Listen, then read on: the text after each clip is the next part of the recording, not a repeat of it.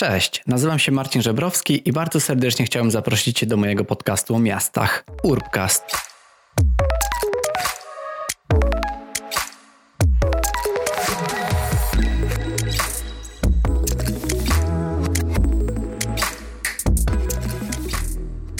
Cześć, witajcie w kolejnym odcinku mojego podcastu. W dzisiejszym odcinku będę rozmawiał z Magdaleną Miller, która udziela się urbanistycznie i architektonicznie na wielu polach. Natomiast to, co najbardziej mnie zainteresowało, to jej działalność jako Pying, czyli profil, który prowadzi głównie na Instagramie, choć, e, choć nie tylko. Ma też profil na Facebooku oraz stronę internetową. Pying to miasto, architektura i memy, czyli jak można się łatwo domyślić, Magda działa na tych różnych platformach, a jej głównym celem jest popularyzowanie urbanistyki, dobrego designu miejskiego i tak jak sama pisze w swojej stronie, dobrego miejskiego user experience. Więc o tym będziemy rozmawiać, o tym jak wykorzystywać właśnie takie narzędzia jak, jak social media, jak Facebook, jak Instagram, żeby w jakiś sposób popularyzować tą, tą dobrą przestrzeń, dobre projektowanie i to będzie właśnie główną, głównym celem tego odcinka. Ja też jako podcaster e, rozwijam się i słucham Waszych komentarzy. Jednym z nich było to, aby może troszeczkę mniej edytować te odcinki, bo czasem ciężko się niektórych słucha, więc tutaj też idąc oczywiście za, za niektórymi takimi uwagami, w zeszłym odcinku było tych e, edycji mniej. Natomiast oczywiście dawajcie mi znać, e, jak Wam się podoba i w jaką stronę powinno to iść. Ja ze swojej strony chciałbym jeszcze w tych krótkich wstępach, chciałbym dodać taką jedną rzecz, a mianowicie cel odcinka, czyli jaki ma cel rozmowa, którą przeprowadzam w danym odcinku. No i dzisiaj ułożyłem to sobie tak, że chciałbym przedstawić Wam, słuchaczom, działalność Pying, czyli, czyli profilu Magdy Millert oraz pokazać, jak możemy zacząć zwracać uwagę na różne patologie w otaczającej nas, nas, nas przestrzeni, no ale też przede wszystkim, jak możemy im przeciwdziałać. A więc zapraszam Was na najnowszy odcinek.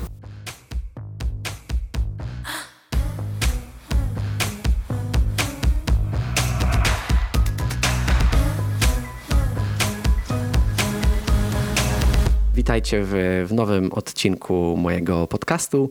I dzisiejszym gościem jest Magda Millert. Cześć Magda.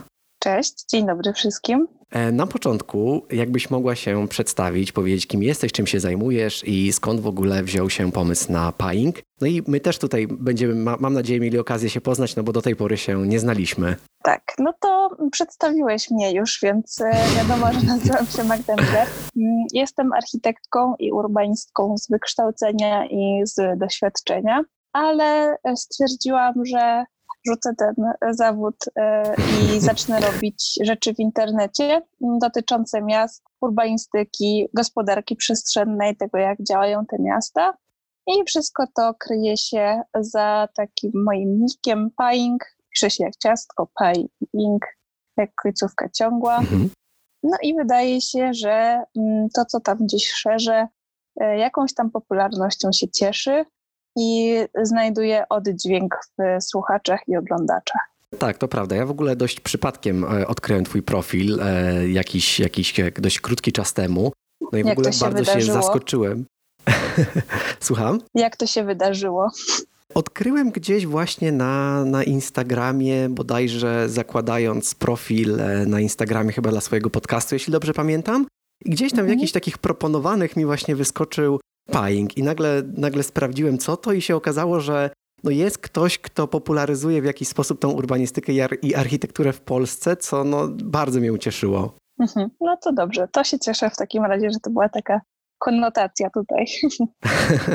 tak, no ja generalnie uważam, że jest to bardzo potrzebne. Ja też troszeczkę e, mam podobny cel. Chciałbym przybliżać e, ludziom, słuchaczom, znajomym to, jak miasta funkcjonują, to w jaki sposób się też projektuje za granicą, ale w mhm. taki no, jak najbardziej przystępny sposób. I widziałem też, że to jest ten twój cel, stąd obrałaś sobie za takie narzędzie Instagram, ale także pewnie z tego, co widziałam Facebook. Mhm. I chciałem się zapytać, czemu stawiasz właśnie akurat na social media? Jakie takie twoje narzędzia dotarcia do szerszej publiczności?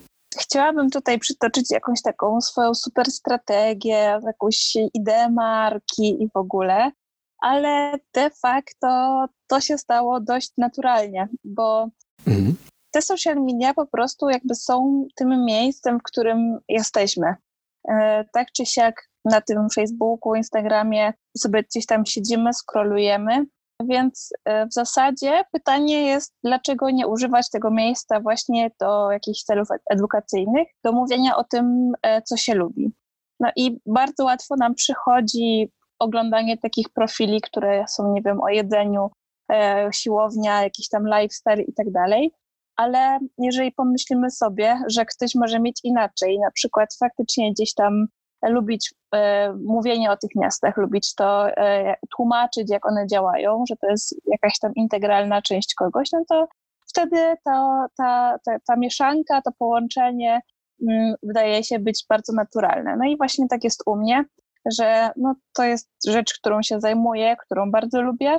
No i ten Instagram tak naturalnie stał się takim miejscem, w którym publikuję te treści co wydaje mi się też bardzo dobrym rozwiązaniem dla obserwujących, bo oni po prostu tam są. Tam jest po prostu masa ludzi, która e, i tak siedzi na tym Instagramie, więc właściwie dlaczego e, między tam hantelkami a sałatką nie mogłaby oglądać e, czegoś na przykład, czym jest konsola inna niż te, które mam do tej pory. No, ja się zgadzam, że to jest bardzo, bardzo przystępne, e, bo nie ukrywam, że jednak podejrzewam, że takie książki urbanistyczne, książki miejskie czy książki o architekturze, no czytają jednak osoby, które są bardziej tą urbanistyką, architekturą w jakiś sposób zainteresowane. Mhm. Natomiast kogoś, kto do tej, kto, kogo do końca tak ten temat nie interesuje, no to rzeczywiście ciężko od niego takich rzeczy wymagać. Dlatego rozumiem, że takie podejście właśnie, żeby gdzieś na przykład to stories, czy ten post gdzieś się tam wyświetlił pomiędzy innymi, to jest taki dobry sposób dotarcia do osoby, która być może tym tematem się tak nie interesuje, tak? Tak, to, to jest między innymi wychodzenie z takiej swojej gdzieś bańki e, tematycznej, typu właśnie jakieś e, grupy jacyś tam znajomi, którzy są na przykład ze studiów i wiele osób, jakby dla nich to jest norma, to gdzieś to, o czym mówię. Z drugiej strony też e, szukanie mm, trochę innej formy niż taka e, praca naukowa albo działalność na uczelni, mm, tylko taka, powiedziała, praca u podstaw w XXI wieku właśnie, że to jest zupełnie coś, coś innego, bo to jest nowoczesna technologia i coś, czego do tej pory nie było, a z drugiej strony właśnie takie, bym powiedziała, pozytywistyczne myślenie o tym, że edukacja to jest jakby taka podstawowa kwestia, tak? Czyli to jest to, od czego wychodzimy. No właśnie, zapytam może tak górnolotnie, czy, czy my Polacy jako naród w ogóle potrzebujemy takiej edukacji na, na temat przestrzeni? No i właśnie, czy jest to temat, którym jest w ogóle łatwo zainteresować w dzisiejszych czasach? Wracając też do tego, że Mamy tak dużo różnych bodźców dookoła, zdjęcia sałatek, y, zdjęcia hantelków i innych rzeczy, a tutaj jednak gdzieś ta przestrzeń i, i miasta, nauka o miastach, edukacja, o której wspomniałaś, próbuje się przeciskać. Tak, y, to nie, po pierwsze nie wydaje mi się, żeby to była jakby nasza polska specyfika, że to jest potrzebne. Wydaje mi się, że to jest potrzebne wszystkim wszędzie na całym świecie, niezależnie w ogóle od pokoleń, y, kraju, nie ma czegoś takiego. To jest rzecz, o której trzeba mówić. No i właśnie wydaje mi się też, że tak. Obecnie już 60% ludzi mieszka w miastach. Badania pokazują na to, że realnie tam do, do 2050 chyba będzie to 80%. Mm, tak. Fakt, że są to y, głównie kraje azjatyckie, ale jednak nie, nie ma co nawet na to mm, tego tak jakby rozdzielać, w sensie tak czy siak wiemy dobrze, że większość z nas gdzieś tam do tych miast ciąży. Nawet jeżeli mieszka pod miastem, to i tak e, gdzieś w tym mieście toczy się życie. No i do tego, jeżeli sobie pomyślimy, że 25% e, powierzchni wszystkich miast to są ulice, no to wychodzi nam z tego takie równanie, że to jednak jest realna sprawa, którą trzeba by się było zająć to jest rzecz, która, e, którą można łatwo pominąć, bo myślimy sobie, że tam w sumie, w sumie miasto obchodzi. No ale jeżeli pomyślimy sobie o tym, że to jest na przykład nasze osiedle, nasza ulica, to jest to, gdzie my codziennie podróżujemy, gdzie my codziennie coś widzimy i ta, to nasze otoczenie jakoś tam warunkuje te nasze zachowania i wpływa na nas, no to sprawa zaczyna się już robić coraz bardziej poważna, tak? I dlatego jest coraz bardziej istotniejsza według mnie. Ja widziałem właśnie na, na Instagramie twoim, Paingu, jak w taki prosty sposób e, przedstawiałaś jedno zdjęcie jakiejś przestrzeni, jakiejś ulicy, mhm. która była oczywiście dość betonowa, gdzieś tam ta kostka bauma mhm. się przewijała. Mhm. A z kolei przerobiłeś w taki dość prosty sposób e, to zdjęcie na taką wizualizację w pewnym sensie, dodając, e, dodając ławki, dodając drzewa, no generalnie pokazując, jakby ta ulica mogła wyglądać, gdyby została, no właśnie, zaplanowana w troszeczkę inny sposób. No i pytanie, czy takie zdjęcia, właśnie, czy takie przeróbki, takie wizualizacje oddziałują na wyobraźnię osób, które, które, które przeglądają to mhm. i czy mogą w jakiś sposób ich zainspirować? No to jest dobre pytanie, bo e, można sobie pomyśleć, że w sumie w zasadzie po co ja to robię, tak, że mogłabym to opisać w jakiejś tam pracy naukowej. Ale z drugiej strony, jak sobie pomyślimy o tym na przykład, jak coś gdzieś się buduje i no, nasz rynek mieszkaniowy chyba jest tego najlepszym przykładem, że mm. de facto bardzo dużo ludzi kupuje mieszkanie na etapie właśnie dziury w ziemi, no to pierwsze co, no to patrzą na to, jakie są tam te wizualizacje. I ta moja wizualizacja oczywiście nie była żadnym projektem, to nie było tak, że ja tam realnie chcę zmienić tą ulicę w ten sposób, tylko pokaza- pokazuję, jak może wyglądać taka ulica zwykła, którą się odbetonuje, której się zapewni tereny zielone, ławeczki, miejsca do siedzenia w jakimś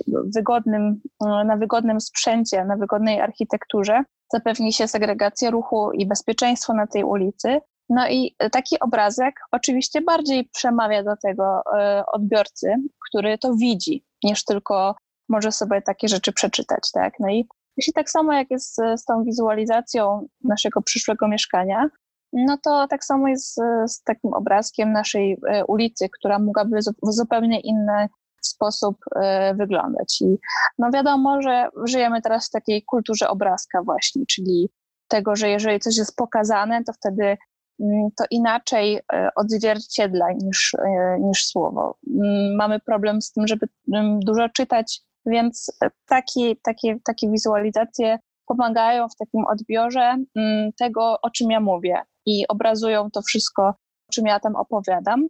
I wydaje mi się, że to jest też taki dobry punkt wyjścia do tego, żeby kto, komuś się coś przestawiło w głowie, że coś może inaczej wyglądać, że to, że większość naszych ulic w ten sposób wygląda, nie oznacza wcale, że one tak muszą wyglądać.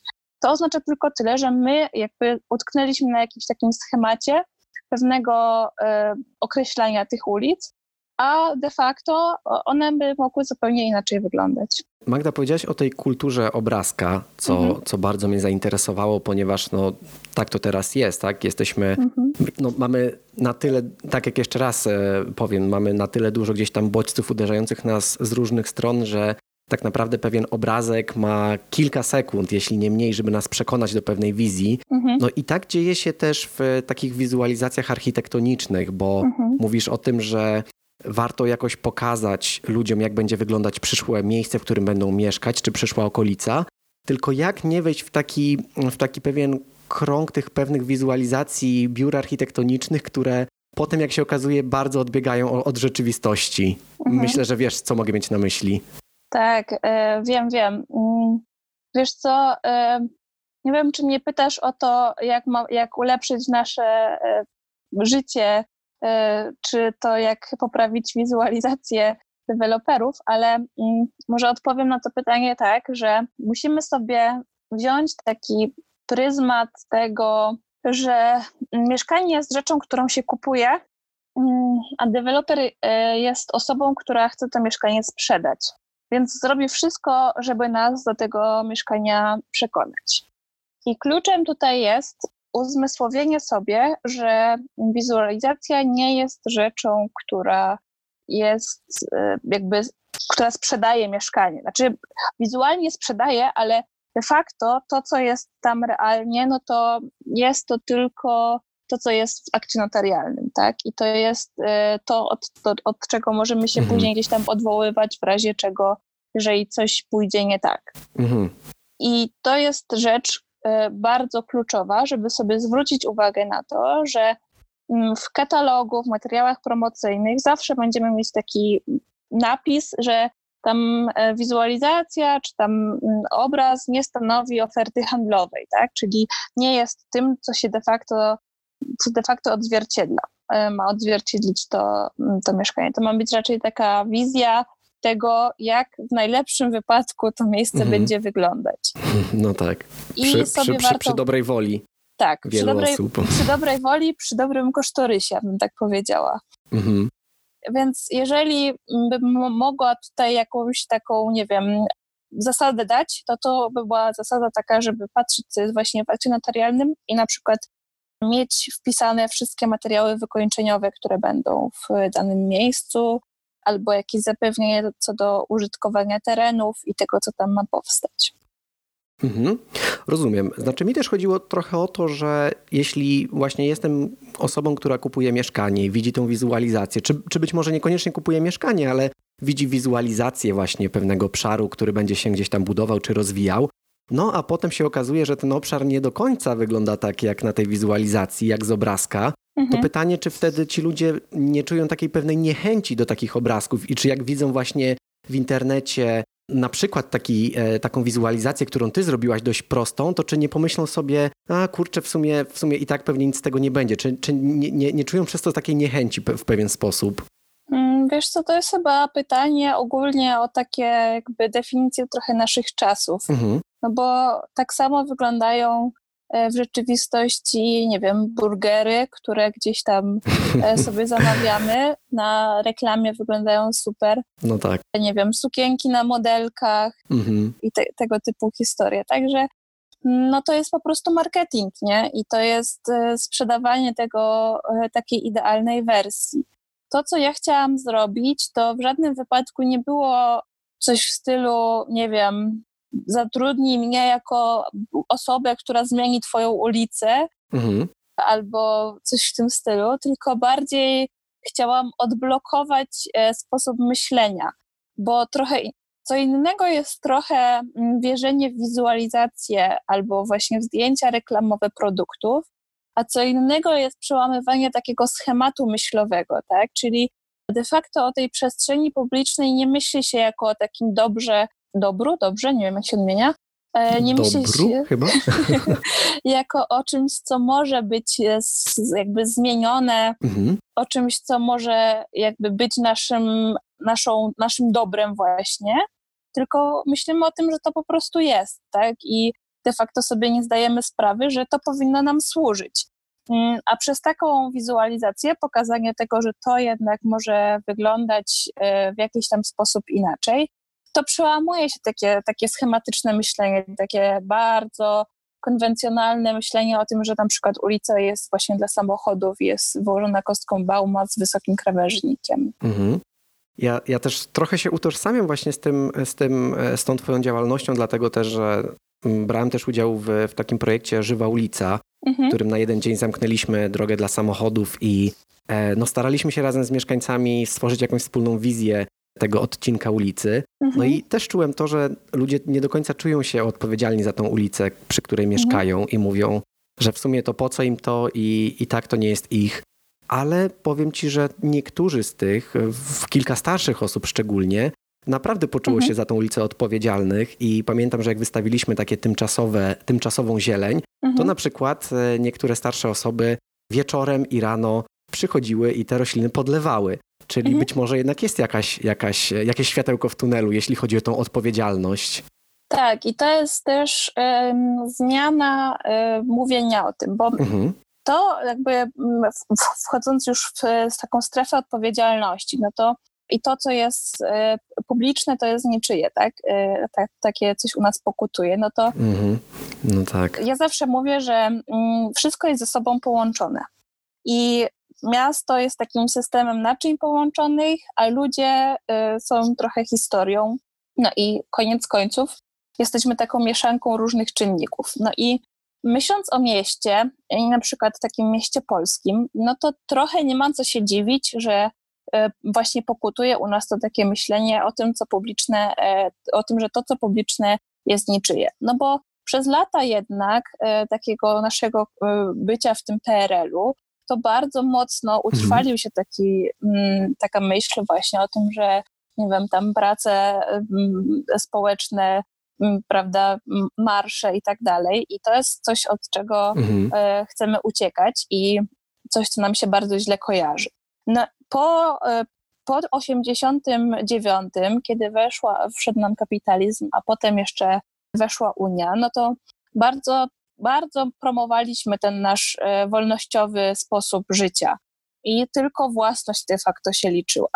Więc na takim gruncie, e, takich kilku dekad de facto, takiego zmiany myślenia, nie oczekujmy, że w ciągu roku zmieni się totalnie e, światopogląd i nie oczekujmy, no tak. że ludzie nagle zaczną faktycznie traktować te ulice jako takie dobro wszystkich i myśleć o tym, że to jest realnie coś, za co może my mamy jakąś tam odpowiedzialność. Mhm.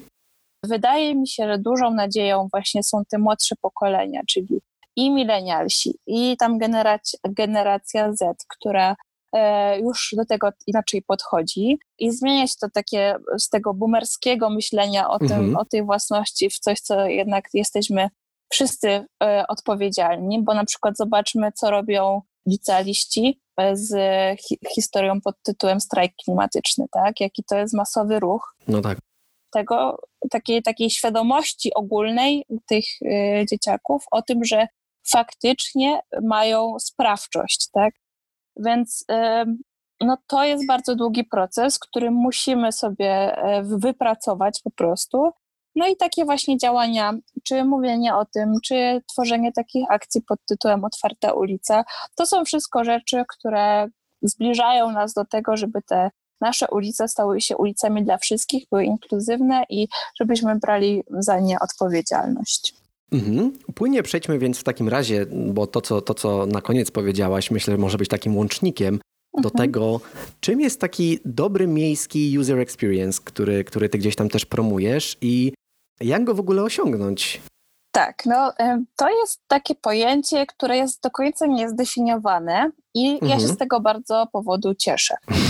Bo e, tak, bo to, co ma definicję, to zawsze jest bardzo sztywne i gdzieś tam będziemy do, tego, do, tych, e, do tych sztywnych ram dążyć. Natomiast taki dobry e, miejski user experience to jest to, co pozwala wszystkim, niezależnie od płci, wieku, jakichś ograniczeń ruchowych, chodzić po naszych ulicach, po naszym mieście i czuć się dobrze w tej przestrzeni. I to jest związane z takim czymś, co nazywa się projektowanie uniwersalne. Mm, I to projektowanie uniwersalne ma na celu jakby e, przysporzyć e, takiej radości korzystania z e, tych naszych miast, z tych naszych ulic i likwidację wszystkich barier dostęp, dostępności w jakichkolwiek miejsc. I to właśnie wynika z tego, że mm, nadchodzi taki czas, kiedy właśnie mówimy o tej równości mm, i takiej inkluzywności pod różnymi mhm.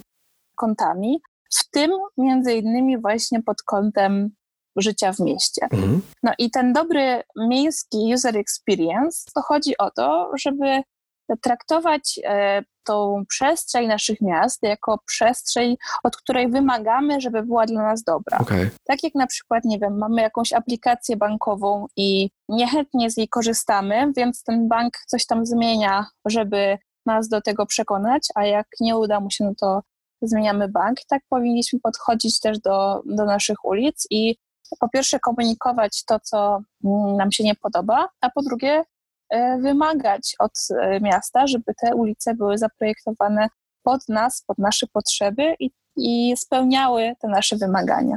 Czyli wydaje mi się, że my podświadomie, jak właśnie poruszamy się po mieście, jesteśmy częścią takiego eksperymentu czy doświadczania tego po prostu miejskiego user experience. Mhm, mhm, tak, tak. To jest związane właśnie z taką psychologią przestrzeni i tego, że mm, jakby każdy element miasta jest zaprojektowany. Pytanie, jak jest zaprojektowany, ale jakby ktoś na jakimś etapie świadomie podjął decyzję, że coś będzie w jakiś tam sposób y, wyglądać. Więc y, warto sobie popatrzeć właśnie na, tako, na, na to miasto jako taką przestrzeń zaprojektowaną i to, jak ta przestrzeń y, wpływa na nas, mm, użytkowników i na przykład dlaczego nie wiem, nie lubimy chodzić jakąś tam trasą, albo mm, dlaczego na przykład wolimy przejść jakiś tam odcinek y, naokoło niż jakimś tam skrótem. I, I, z czego to wynika? Mm, wtedy sobie jakby doświadczymy tego, mm, jakie tam są e, warunki, co nas prowokuje do takiego, a innego zachowania. No i wyjdzie nam właśnie taki, taki mały eksperyment na sobie, mm, na tym, jak, jak tą przestrzeń odczuwamy. No tak, tak, rzeczywiście, czyli słuchaczom możemy w tym momencie powiedzieć, że jeżeli, no bo podejrzewam, każdy z nas ma jakieś ulubione miejsca w, i mniej ulubione miejsca w mieście, w którym mieszkamy na co dzień. Mhm. Więc jeśli macie takie ulubione miejsce, to następnym razem, jak tam będziecie, sprawdźcie, co tak naprawdę sprawia, że ta przestrzeń Wam się tak bardzo podoba, tak? Czy, mhm. e, czy jest to być może za, zaprojektowanie, sposób zaprojektowania tej przestrzeni, czy może jest e, bardzo ładna fasada budynku, czy być może sposób, w jaki jest to rozplanowane, w jaki pada słońce po południu. Tak. Podejrzewam, że każdy z nas ma takie miejsca, więc e, mhm. próbując e, popularyzować jakiś taki dobry jednak ten miejski design, warto wspomnieć o takich ładnych, przyjemnych miejscach. Tak, zdecydowanie takie, takie miejsca są potrzebne, ale ja bym też zwróciła uwagę na na przykład dojście do takich miejsc. Czy, czy to jest tak, że my faktycznie na przykład mamy przyjemność z całej drogi um, docierania do tego miejsca, czy na przykład po, podoba nam się to jedno miejsce z jakiegoś tam punktu e, konkretnego. Um, I jeżeli pomyślimy sobie właśnie o tym jako takim procesie um, bycia w tej przestrzeni zaprojektowanej, no to wtedy właśnie wyjdzie nam takich, takich wiele takich e, elementów, co nam się podoba, co nam się nie podoba. I oczywiście ja jestem jak najbardziej za tym, żeby tymi dobrymi rzeczami się chwalić i budować sobie taką jakąś e, bazę dobrych praktyk, bazę tego, e, czym się można chwalić i co uważamy za, za fajne elementy. Mhm. No tak, rozmawialiśmy tutaj o przyjemnych e, miejscach w miastach.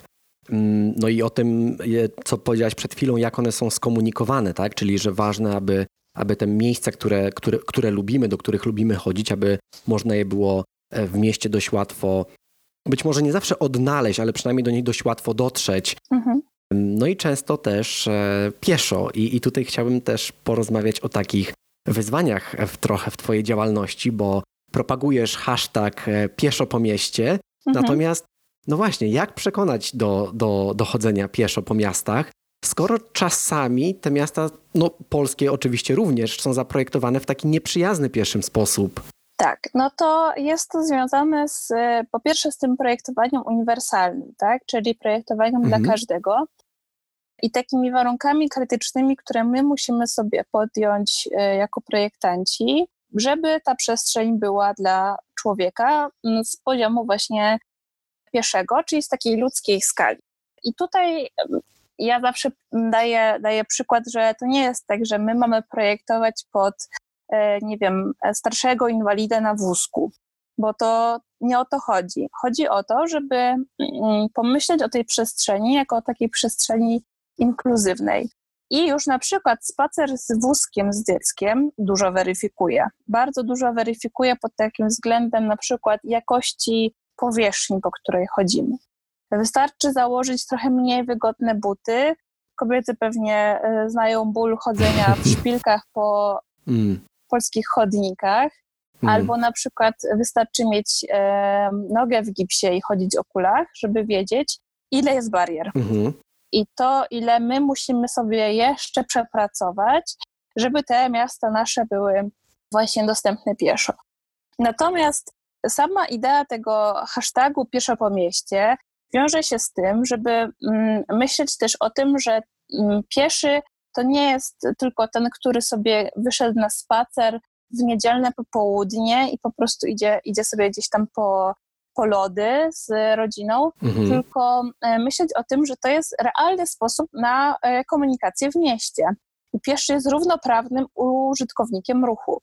Jest taka idea jednostki sąsiedzkiej, to jest taka, taki sposób projektowania mm, jednostki e, osiedlowej, która jest dostępna w całości mhm. pieszo. No i ta jednostka mhm. ma w sobie i miejsca pracy, i usługi, i szkoły, Mm, I miasto projektowane w ten sposób, e, jeszcze z tam oczywiście dostępną infrastrukturą e, komunikacji zbiorowej, dużymi terenami zieleni, pokazuje, że to jest jakby w takim mieście jest najbardziej osiągalna, najbardziej osiągalny wysoki poziom jakości życia. I to oznacza, że jeżeli wszystko mamy blisko i wszędzie mamy blisko, wszystko dostępne właśnie w zasięgu takiego 20-minutowego spaceru, to po prostu realnie na nas oddziałuje. i sprawia, że nam realnie jest po prostu lepiej w życiu. Jesteśmy po prostu szczęśliwsi. szczęśliwsi. I ja mam zawsze taką nadzieję, że ludzie, którzy, do których, przekon których przekonuję do tego, żeby chodzić, to po pierwsze odkrywają nieco swoją okolicę, sprawiają, że jednak coś tam się poznaje w tej okolicy. Są trochę bardziej w ruchu, e, bo jednak przecież mamy problem z tym, że za mało się ruszamy. I e, po trzecie, e, jednak odkrywają, że warto mieszkać w takiej okolicy, która jest dobrze wyposażona. I ta kultura mm, zmiany tego myślenia właśnie z tego, że pojadę gdzieś autem, na to, że pójdę gdzieś pieszo, no to to jest też coś, co tak pokoleniowo u nas się zmienia i faktycznie coraz bardziej, e, są nawet jakieś tam badania na ten temat, że faktycznie te młodsze pokolenia już rezygnują z, z posiadania nawet prawa jazdy, nie robią go, bo wiedzą, że można w inny sposób, no i mają przy okazji tego świadomość, że to jest mniejszy ślad węglowy i jakby ekologicznie są, są e, pozytywniejsi w, w tym aspekcie w stosunku do, do planety. No właśnie, jednak jak wydaje mi się, że, że, że, musimy się pewnych rzeczy tak naprawdę uczyć od nowa, prawda? Kiedyś mhm. jednak chodzenie było bardzo naturalnym e, sposobem e, gdzieś tam docierania do różnych miejsc. Pamiętam jakieś moje różne, e, różne opowieści, które opowiadała mi babcia, gdzie, gdzie wszędzie po prostu, nieważne ile to było kilometrów, trzeba po prostu było się przemieszczać pieszo. Teraz trochę na nowo się musimy tego, wydaje mi się, że uczyć. Mhm. No bo wchodzi też to, że jesteśmy społeczeństwem teraz coraz bardziej niestety zabieganym. No i powiedz mi właśnie, czy, czy, czy ta twoja działalność też się wpisuje właśnie w taki E, czy jakby twoim celem jest właśnie też docieranie do tych osób, które są w biegu, między innymi właśnie poprzez Instagram, żeby pokazać im, że to chodzenie pieszo no, zaczyna być jednak trochę trendy. Tak, zaczyna być trendy i ja bym bardzo chciała, żeby było, mhm. bo e, no jednak mamy coraz większy problem z taką nerwicą, ze stresowaniem, szczególnie właśnie w dużych miastach, gdzie to tempo życia przyspiesza i ja mam wrażenie, że tam wszyscy biegają, nie chodzą. Więc ja bym sobie bardzo życzyła tego, żeby, żeby to się stało taką modą i żeby umieć sobie gdzieś tam znaleźć taki złoty środek między zabieganiem a między odpoczynkiem. Natomiast dla mnie no to, to chodzenie jest takim trochę takim mindfulness, takim, taką sztuką uważności i tego, co się dzieje dookoła. I mam wrażenie, że to jest jakby taka jedna z podstawowych w ogóle funkcji naszych życiowych, którą trochę na nowo trzeba odkryć, trochę na nowo się jej się trzeba nauczyć i nauczyć się jej doceniać, a jednocześnie jest jakby no, tak podstawowa, że aż szkoda by jej było nie wykorzystać, no bo nie potrzebujemy żadnej, żadnego sprzętu do tego, tak? Po prostu zabierzmy siebie na spacer i zabierzmy naszą głowę na spacer, mm, żeby, żeby sobie gdzieś tam poukładać te, te myśli ja to bardzo, bardzo lubię i mm, staram się do tego nakłaniać y, ludzi, żeby tak właśnie robili. No i przy okazji też właśnie sprawiać, żeby mieć świadomość tego, że żeby w pełni sobie móc spacerować, no to jednak potrzebna jest tam ta infrastruktura, między innymi zielona infrastruktura, czyli wszystkie drzewa, parki i zieleńce, które sprawią, że nam po prostu będzie na tym spacerze dobrze, że, że to nie będzie tam wybetonowany plac, który super wygląda jako rozrachunek wydatków z dofinansowań unijnych, ale cóż z tego, skoro na tym placyku nikt nie siedzi i nikt tam nie chce przebywać. No tak. Czyli podsumowując, zachęcamy razem z Magdą do takiego używania po prostu chodzenia jako bardzo naturalnej rzeczy, jako rzeczy do takiego nawet mindfulness, ale po prostu do, do, do przewietrzania się mhm. i swojej głowy, bo ja łapię się często na tym, że nawet jeżdżąc na rowerze, ja jestem cały czas w pędzie, że myślę mhm. tylko o tym, żeby jak najszybciej gdzieś dostrzec. A pamiętam, jak dopadła mnie jesienna kopenhaska handra i po prostu zepsuł mi się rower i przez kilka dni chodziłem pieszo i po prostu czułem się tak nagle z, zrelaksowany, że stwierdziłem, wow, jak super jest chodzić i stwierdził tak. to 25-latek nagle. tak jest i to jest właśnie takie, takie na nowo odkrywanie tego chodzenia i właśnie docenianie takiej podstawowej funkcji, jaką mamy, czyli, czyli spaceru i mm, takiego doświadczenia tego otoczenia naszego. Magda, czuję, że wy, wybrzmiewa pewna wiadomość do słuchaczy. Mam nadzieję, że, że dotrze do nich w, w odpowiedni sposób. Natomiast e, podsumowując już, e, już jakby tą część, o której tutaj porozmawialiśmy, o tej przestrzeni, Chciałbym jeszcze tak wrócić do, do Twojej działalności stricte, do e, Paingu i chciałbym Cię zapytać, co Tobie osobiście daje prowadzenie właśnie tego, tego, tego profilu, tej działalności i czy czujesz, że to była dobra decyzja, żeby jednak zostawić te biura, biura projektowe, architektoniczne i zająć się właśnie działaniem w taki sposób? No ja zawsze powtarzam, że gdybym miała zrobić e, drugi raz to samo, mhm. E, to bym to na pewno zrobiła. Oczywiście mhm. to nie jest e, prosta decyzja i to nie jest tak, że jest różowo-kolorowo, a nie po prostu kasza z nieba spada. Natomiast mhm. ja przynajmniej nie mam już takiego poczucia, że obiecywałam sobie na studiach, że będę robić super rzeczy, ślubowałam i mhm. mam, prawda, klauzulę sumienia, e, jestem, mam zawód zaufania publicznego i potem robię jakąś tam patodeweloperkę. Natomiast, no jakby niestety tak jest. Natomiast co mi to daje? Daje mi przede wszystkim takie spełnienie, że ja w końcu robię to, co lubię, to, co chcę robić. Mhm. Mam takie poczucie, że mam sprawczość, bo dużo ludzi też mi. Właśnie tam... o to chciałam zapytać, o tą sprawczość. Czy, tak. czy czujesz większą sprawczość? Czuję większą sprawczość, bo mm, na początku może nawet nie czułam tego, ale teraz widzę, że na przykład właśnie gdzieś tam mi ludzie piszą, że zbierają deszczówkę, że zamieniają swoje trawniki na łąki kwietnie, kwietne w, we wspólnotach y, mieszkaniowych. No i to jest tak, że mm, ta edukacja trochę jak z tym sianiem, tak, że to, to ziarno może spaść na, na ten nasz beton, a może też na super żyzną grupę, glebę e, spaść i owocować świetnymi przykładami. Więc w architekturze też miałam sprawczość niejako, bo te rzeczy gdzieś tam powstawały, ale tutaj mimo, że nie jest to jakieś tam super e, jeden do jeden sprawdzenie tego, czy, czy to jest mój projekt na przykład, to mam wrażenie, że tym ludziom, którzy gdzieś tam wysłuchają tego, przeczytają, przetrawią sobie to myślenie, coś się odblokowywuje w głowie, coś sprawia, że jednak zachęca się ich do myślenia i do, do, do postrzegania świata inaczej, tak? Że jest już to pierwsza, pierwsze takie, taka myśl, takie trochę, zaczyna się robić takie koło zamachowe, tak? I im więcej tych ludzi nawróconych, oczywiście w cudzysłowie, tym lepiej i wiem, że mm, i wiem, że no, ten odzew zaczyna być coraz większy, że coraz więcej osób mi gdzieś tam pisze, że na przykład, nie wiem, miało się wyprowadzić do domku pod miastem, ale może jednak niekoniecznie, że właśnie e, okay. ktoś coś tam zrobił na swoim osiedlu, albo na przykład gdzieś mnie tam ktoś zaprasza do bycia tutorem i uczenia mm, studentów w jakimś tam stopniu, no to ja wtedy wiem, że to wszystko, co robię, to nie jest po prostu robota na marne. Bardzo, bardzo się cieszę, że, że w taki sposób to działa, że dostajesz takie sygnały, że tak jak powiedziałaś, nawracasz ludzi, ale przede wszystkim e, ja się z tobą zgadzam, że chodzi o tą edukację, więc e, też gratuluję tobie, bo e, póki co widzę, że, że też na Instagramie zebrałaś dość pokaźne statko ludzi, którzy obserwują twoje działania. Bardzo mnie to cieszy. Od jakiegoś czasu jestem jednym z nich, też będę się bardzo chętnie dzielił twoimi działaniami, bo uważam, że są bardzo ważne. No i stąd też pomysł na tą naszą rozmowę. I, I, dziękuję Ci jeszcze raz, że się na nią zgodziłaś. Ja dziękuję za zaproszenie. Bo, bo też pewnie masz dużo rzeczy do, do, do robienia i dużo wiadomości do przekazania, dużo memów do, do tak. wstawienia. tak. Natomiast e, zanim skończymy, chciałbym Cię jeszcze zapytać o książkę, jaką polecasz. Może być urbanistyczna, architektoniczna, ale nie musi. Widziałem też, że wrzuciłaś chyba dzisiaj na Instagrama e, link do bloga, gdzie dzielisz się w artykule jak, jakie, o, e, o tym, jakie książki czytasz, ale być może masz jakąś chociaż jedną pozycję. Tak.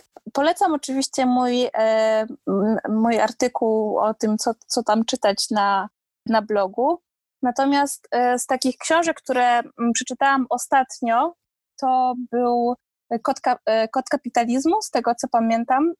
I to jest taka nowa pozycja, którą mm, polecam sobie poczytać. Ona nie jest e, mhm. stricte urbanistyczna, nie jest architektoniczna, ale przejawia się tam na przykład właśnie motyw e, deweloperki, wizualizacji, tego typu rzeczy. I okay. to jest też taki, wydaje mi się, mm, trochę, trochę taka pozycja, od której możemy wyjść, chcąc sobie e, zdefiniować na nowo tą naszą przestrzeń i zacząć mhm. ją trochę inaczej postrzegać jako okay. coś, co jest jednak całościowo zaprojektowane. Mhm. Dobrze, dobrze. Nie słyszałem chyba do końca o tej książce, natomiast e, chętnie ją podlinkuję też tutaj do, do naszego odcinka mhm. w opisie. A na koniec już e, chciałbym tylko zapytać, gdzie można śledzić Twoje działania w internecie lub być może nie tylko w internecie. Jest całe spektrum e, moich, dzia moich działań, tak, bo są, bo mhm. jakby nie tylko, nie tylko jestem payingiem, ale też jeszcze jestem e, Magdą Miller, która działa w różnych fundacjach. Więc tak, e, zapraszam oczywiście na mojego Instagrama, który jest moim głównym źródłem promocji, komunikacji, tam, tam jest mnie najwięcej. Mhm. E, zapraszam na mojego Facebooka, na mojego bloga. Jestem też na Twitterku, można mnie czytać w Klubie Jagiellońskim. Okej. Okay. I przy okazji jeszcze zapraszam do mojej fundacji Ambasada Społeczności, której jestem wice wiceprezeską i my tam zajmujemy się edukacją pozaformalną i są to zajęcia głównie dedykowane dla licealistów mhm. i szkół podstawowych, ale też dla studentów. Okay. I my tam szkolimy głównie metodę, jakby robimy różne zajęcia i używamy metody design thinking, która pozwala w taki fajny sposób podejść i zmierzyć się do różnych problemów. Mhm. Okej, okay, super. No ja już niektóre z tych twoich działalności właśnie odwiedzałem ostatnio tak jak wspominałem na początku, też okazało się, że słuchałem podcastu, który, który tak. współprowadzisz, e, czyli Międzymiastowo. Międzymiastowo. Mhm. Tak, to właśnie jest między innymi działalność Klubu Jagiellońskiego też, e, też, też, też polecamy. E, natomiast jeszcze pojawiło mi się takie na sam koniec naprawdę bardzo krótkie pytanie, jak mówiłaś o tym, gdzie można cię śledzić. Mhm. Czy to, że obrałaś sobie, no, no właśnie, czy obrałaś sobie Instagram za taki główny kanał komunikacyjny, czy to wyszło przypadkiem? To trochę... Jeśli chodzi o paying.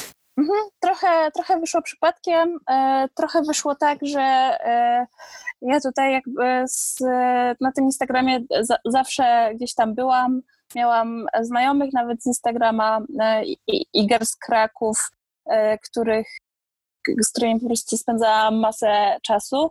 I ten Instagram się stał taką naszą platformą, gdzie okay. jeszcze w założeniach Instagrama miał, Instagram miał takie, taką, takie hasło community first, czyli jakby najpierw ludzie i wydawało mi się to zawsze e, bardzo takim, taką rzeczą przydatną, w sensie takim hasłem właśnie fajnym i do tej pory tak to traktuję, że właśnie tam wiem, że to tak są najbardziej taka relacja człowiek do człowieka i wydaje mi mhm. się, że jest, że jest to fajna, fajne miejsce do, twor do tworzenia. Mhm. Słuchajcie, w takim razie jeśli chcielibyście dowiedzieć się czegoś więcej o miastach lub być może po prostu spojrzeć na nie w, w, z, innej, z innej strony, z takiej, której wcześniej nie patrzyliście, lub lubicie memy, tak. Zapraszam, zapraszamy do, e, do e, zafollowowania Payingu na Instagramie, ale nie tylko. Także, także podam linki do, do Twoich innych działalności w, również w opisie odcinka. Super. A póki co jeszcze po, po raz trzeci już bardzo, bardzo serdecznie chciałem Ci podziękować za, e, za, za czas i za rozmowę, którą, którą mogliśmy odbyć. Nie ma sprawy, polecam się. Dziękuję bardzo za zaproszenie i życzę wszystkim dobrze zaprojektowanych miast. Dzięki, dołączam się do życzeń i pozdrawiamy. Do usłyszenia. Do usłyszenia.